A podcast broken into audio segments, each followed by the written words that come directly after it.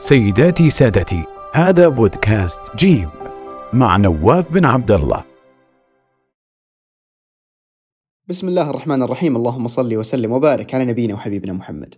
أنا نواف بن عبد الله وأقدم لكم بودكاست جيم البودكاست اللي من خلاله أطرح تساؤل معين وبناء عليه أبحث عن إجابة لهذا التساؤل وأطرحها لكم بشكل ممتع وسلس ومرن. تساؤلنا اليوم هو متى ستفرج يا الله؟ أيام صعبة. وثقيلة ومتعبة ومهلكة. وكل يوم أفتح عيني من النوم وأقول بسم الله يوم جديد وأبدأ بكل طاقة وحماس ولكن مع الأسف الشديد إن في منتصف هذا اليوم أو حتى في ربع هذا اليوم تعود لي حالة الكآبة من جديد ويعود لي الأمر اللي لا طالما فكرت فيه طوال يومي واللي كل ما أفكر فيه يصيبني الهم والضيقة والتعب والكآبة. أنا تعبت يا الله. يومي كله يروح في تفكير وفي غابة من الأفكار والتساؤلات وفي مغار ما لي طلعة منه. أتعبني يا الله وضعي وكل ما أملك في هذه الحياة. يمكن لو حطيت جل تعبي وهمي وتفكيري في ميزان يمكن يسوى الدنيا وما فيها. أنا في هذه اللحظة. ما أدري وين الطريق الصحيح اللي ممكن يبعد عني هذه الأفكار ولا أدري إيش الحل اللي يبعدني من هالضيقة ومن هالتعب ولا أدري متى ستفرج يا الله. أكون مستأنس ومبسوط وسعيد وشايف يومي بكل راحة وخير ولكن في منتصف هذه السعادة يأتيني هذا الهم ويأتيني هذا الضيق وأعود في دائرة التفكير المنهك والتفكير السلبي والتفكير المتعب. وتعود بي حالة الكآبة والحزن والهم. أتعبني يا الله هذا الحزن وأتعبني هذا الهم والتفكير فمتى ستفرج يا الله؟ تحاول إنك تهرب تحاول إنك تبتعد تحاول إنك تنسى وتتماشى وتتعايش مع يومك وتفاصيله وأحداثه وبكل ما فيه. ولكن مع الأسف تصطدم بجدار حاد وقوي جدا من الهموم ومن التفكير والأفكار الصعبة جدا اللي تحاصرك من كل مكان وكل ما تحاول تنسى من جهة تطلع لك من جهة ثانية وكأنها تقول لك لا مفر مني. الكآبة تأتيك وتقول لك أنا فيك فيك ولاني بخليك لذلك متى ستفرج يا الله؟ التعب والهم والعجز والكسل اللي فيني استحوذني يا الله بشكل كبير ولاني قادر ولاني عارف أطلع منه. كومة كبيرة من التساؤلات والأفكار اللي تقيدني من كل مكان. وكل ما أحاول أمشي خطوة مع الأسف إني أرجع خطوتين بعدها. متى ستفرج يا الله؟ السؤال اللي صدق نسأله دائما أنفسنا. متى أطلع من هذا الهم اللي أنا فيه؟ متى صدق تجي المرحلة اللي أقول فيها الحمد لله عدت على خير. متى يجي الوقت اللي نقول فيها يا الله قد إيش أنا تعبت في هذه المرحلة؟ وأنا الحين في حالة عظيمة جدا يا ربي لك الحمد. متى صدق يجي الوقت اللي نكون مرتاحين فيه؟ متى يجي الوقت اللي نفرح ونسعد بدون ما فجأة يجينا تفكير يوقف فرحتنا؟ أسئلة كثيرة أنا عارف تدور في راسك لما يكون أو لما تصاب بالضيقة آه لسبب معين شغل بالك. طيب لمن تسأل أو لمن تطلب أن يبعد عنك هذا الهم والتعب. شوف ممكن تروح لي يعني صديق عزيز أو صاحب مقرب وتبدأ يعني تشكيله وتفضفض له عن الحال وبقدر الإمكان تعطي ما في قلبك أو تقول ما في قلبك ولكن ما راح بتطلع بالنتيجة المرضية النتيجة اللي تجبر خاطرك من حديثك مع هذا القريب. ممكن يكون أيضا واحد من أهلك أيا كان هذا الشخص اللي ممكن أنت تفتح له ما في قلبك وتبدأ تقوله من مشاكل وهموم أنت تعاني منها. ولكن صدقني الشخص هذا مصيره بيمل منك وبيمل من كلامك ولا عاد بيسمع لك أكثر من اللازم.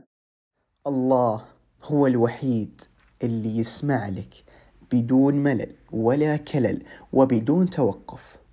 الله هو الوحيد اللي من فوق سابع سماء يسمع لك طول وقتك وطول همك وطول حزنك. الله هو الوحيد اللي يرزقك من حيث لا تحتسب. والله هو الوحيد اللي يكشف لك هذا الهم من حيث لا تحتسب أيضا. في نص ضيقتك وفي نص كربتك يا يجيك اتصال يا يجيك رسالة يا يجيك حدث يغير مجرى حياتك بالكامل.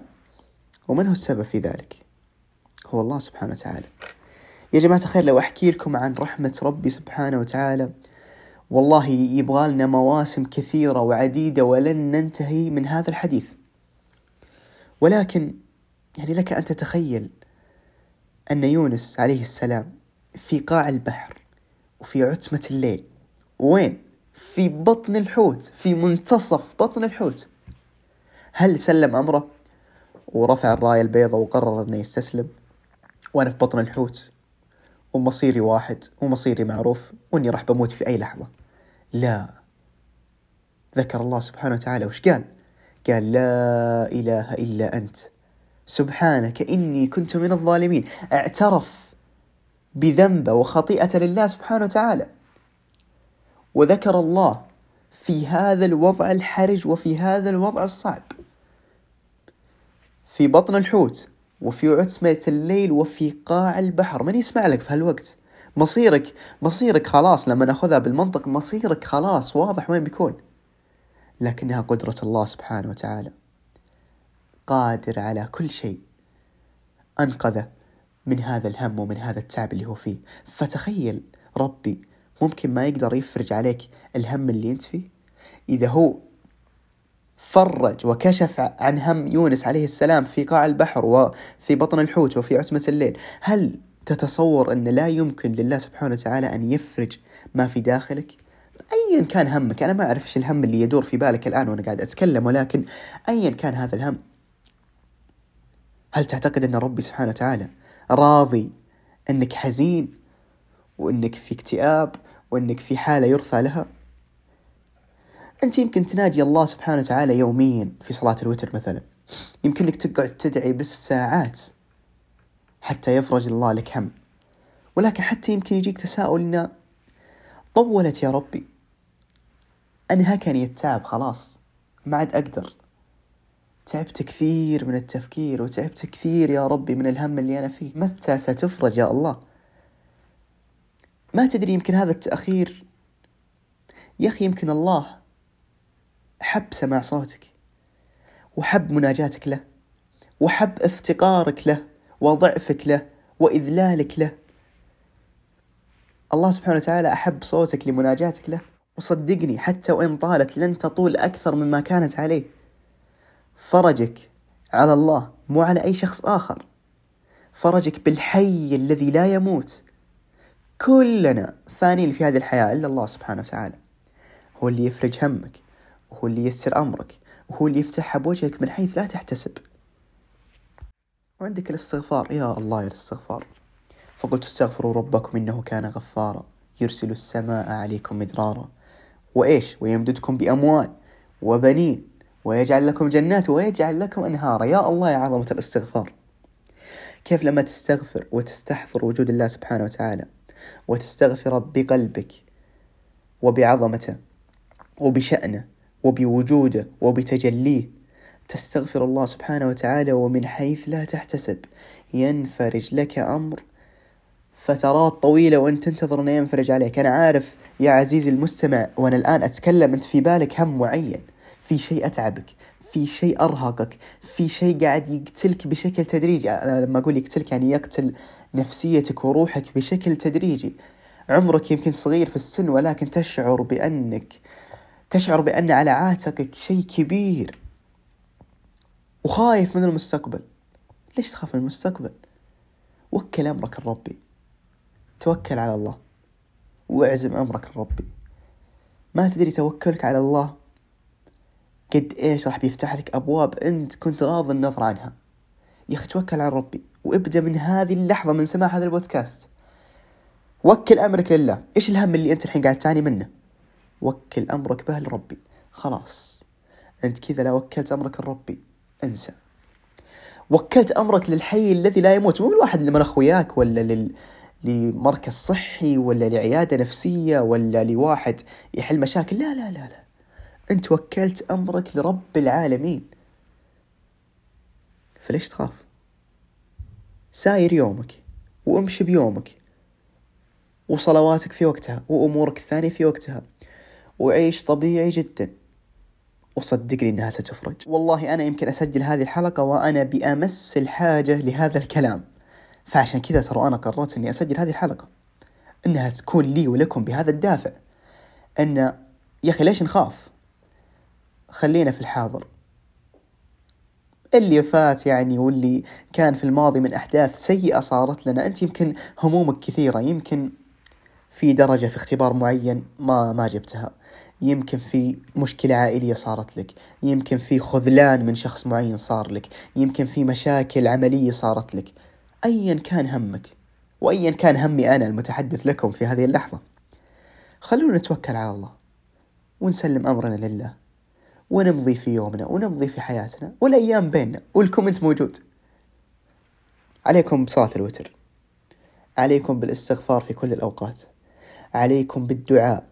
والتضرع والافتقار لله سبحانه وتعالى. بين ضعفك لله. يا أخي جيب سجادتك في الليل وصل الوتر وادع بكل ما في قلبك. وبين ضعفك وبين فقرك لله سبحانه وتعالى. وبين إذلالك لله. أنت الفقير أمام الله. أنت الضعيف أمام الله. أنت الذليل أمام الله وليس لأحد آخر. وحتى لو تبكي. حتى لو تنهار. تراك أنت تحت ظل رحمة الله سبحانه وتعالى. عليكم بهذه الخطوات. والصلاة على النبي أيضا. والصلاة الإبراهيمية. والحوقلة. لا حول ولا قوة إلا بالله. وأهم ما في هذا كله أن توكل أمرك لله سبحانه وتعالى. ويا رب اصرف عنا كل هم وغم واجعل لنا من كل ضيق مخرجا.